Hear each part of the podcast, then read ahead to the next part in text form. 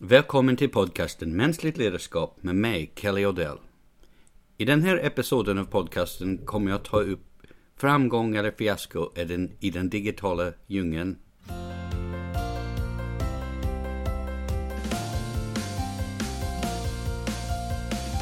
Jag hoppas att det nya året har börjat bra och att 2017 kommer att bli ett fantastiskt år för oss alla. Jag hade ett par veckor ledigt runt jul och nyår och njöt av tiden med familjen.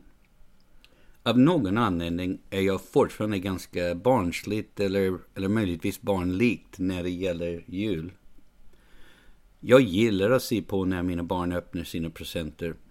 Även om det blir svårare och svårare att komma på vad jag ska ge dem. Deras leksaker, likt kanske deras pappas leksaker, blir bara dyrare och dyrare för varje år som går. En av mina söner överraskade mig denna jul med att be tomten om några lite mer retro presenter.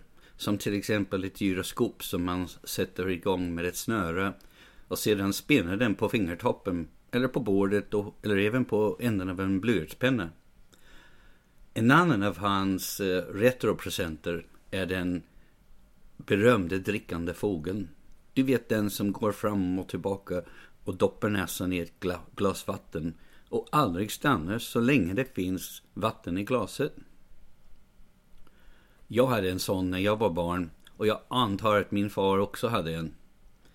En snabb titt på Wikipedia visade att fågeln fanns redan i början på förra seklet. Om jag är riktigt ärlig så var inte den drickande fågeln på min sons önskelista. Men jag tror tomten gissade att min son skulle uppskatta den. Eller kanske var det så att tomten ville ha en sån själv. Men ända sen min son fick denna fågel har den arbetat hårt i vårt köksfönster. Jag kan inte sluta fascineras av denna leksak. Trots att jag förstår fysiken bakom vad som får den att funka verkar den ändå lite magisk på något sätt. Jag nämnde denna barnsliga förtjusning för min sambo. Jag sa att, ar att den arbetar 24-7 så länge den får lite vatten. Och jag föreslog lite skämtsamt att det kunde vara en god metafor för den perfekta medarbetaren. Min sambo svarade enkelt.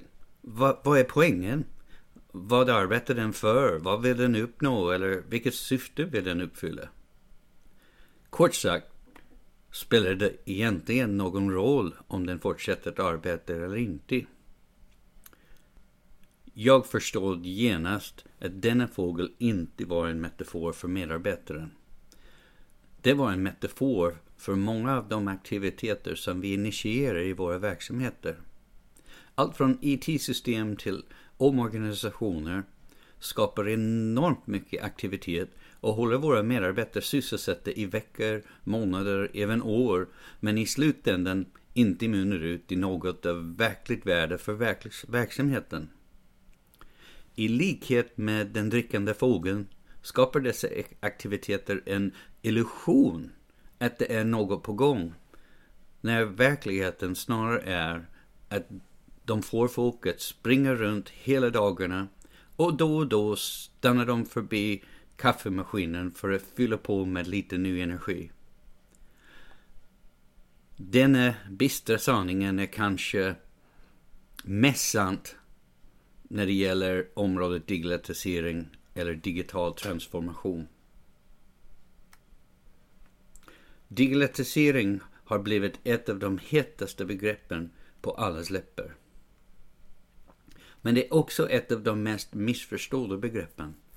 Enorma summor pengar investeras i olika typer av digitala satsningar och resultaten av dessa investeringar varierar stort.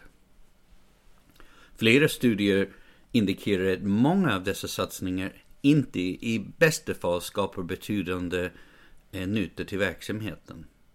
Och i värsta fall orsakar stor skada. Många ser digitalisering som huvudsakligen teknologisk förändring. Men hemligheten bakom framgång ligger i att förstå de beteendeförändringarna kopplade till te teknikutvecklingen.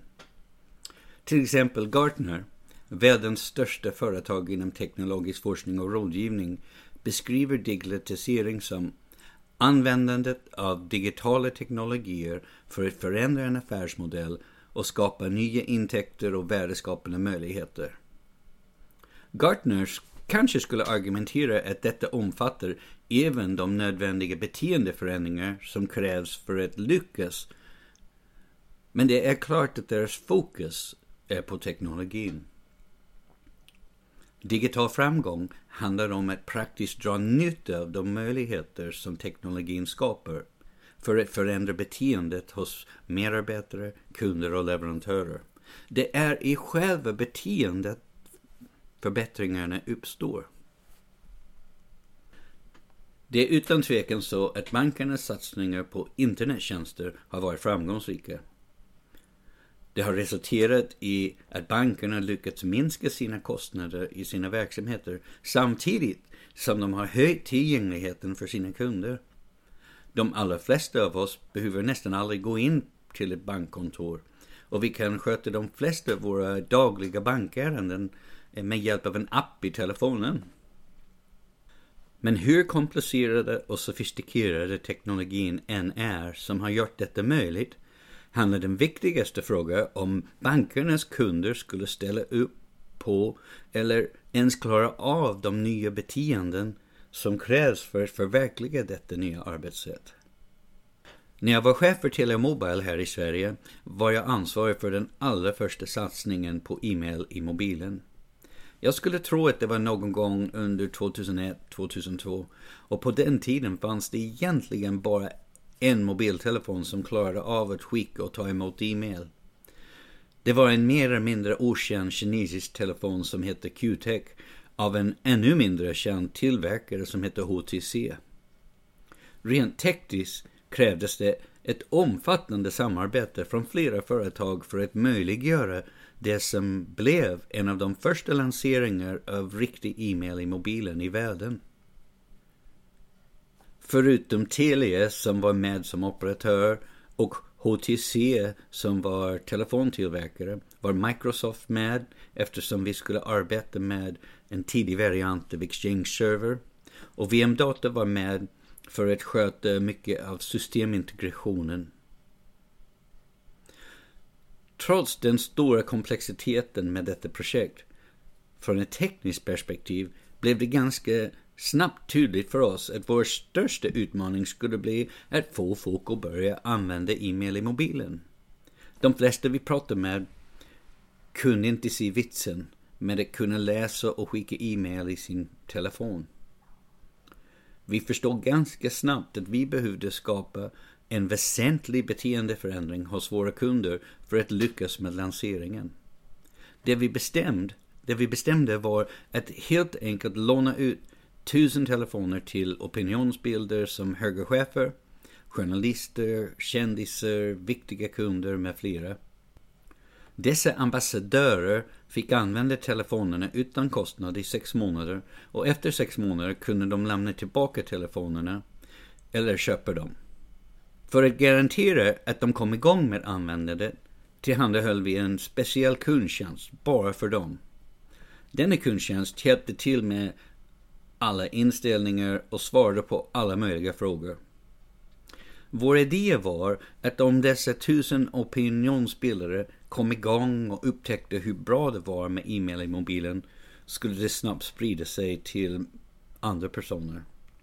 När den första provtiden var över var det nästan ingen som ville lämna tillbaka telefonerna.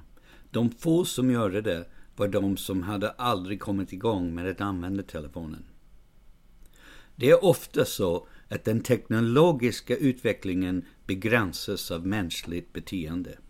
Digitalisering tvingar oss att tänka om när det gäller det mesta i våra verksamheter. Allt från rollerna i verksamheten som ledare och medarbetare, kundrelationer, affärsrelationer, affärsidéer, affärsmodeller, även själva arbetsmiljön. Det är kort sagt nästan ingenting som inte berörs av digitalisering. Följande ger jag några tips hur, hur ni kan lyckas bättre med er digitaliseringsarbete. Den första tipset är prioritera och fokusera.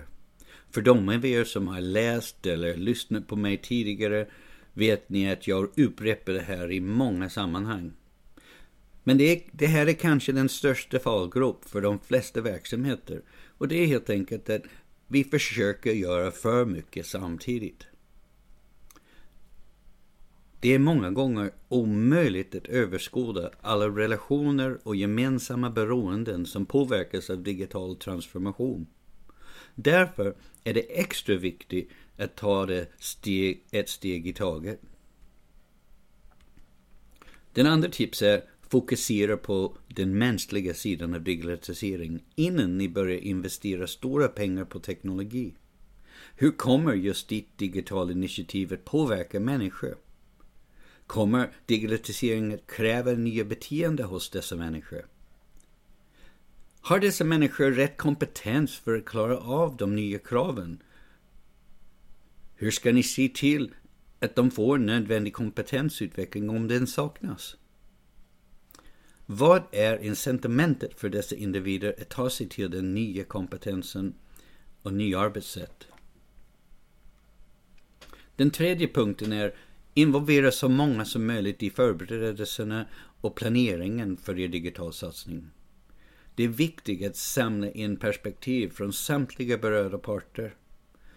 Detta minskar riskerna att man missar något väsentligt och det skapar engagemang och delaktighet.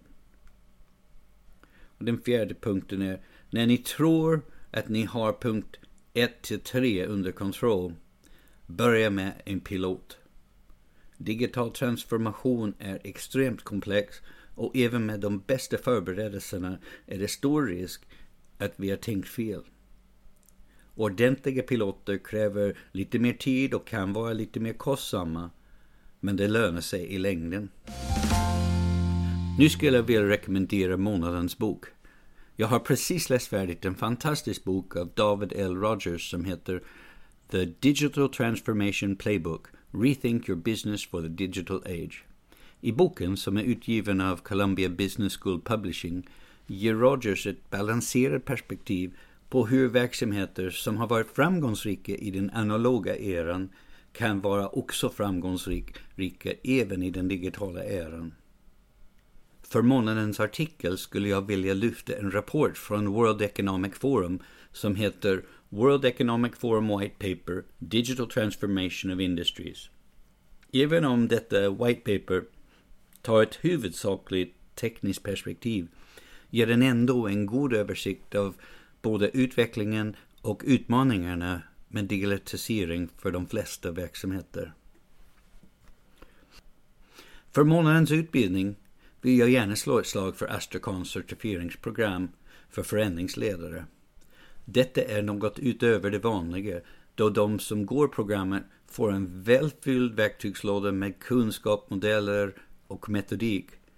Omfattande övning i att använda eh, verktygen och tillämpa sina kunskaper och en väl ansedd certifiering som är en kvalitetsstämpel på de som har genomgått certifieringen. Läs gärna mer om innehållet eh, i certifieringsprogrammet på Astrakans hemsida, astrakan.se. Ja, jag hoppas du har gillat eh, den här månadens podcast och jag ser fram emot att prata med er igen. Tack så mycket.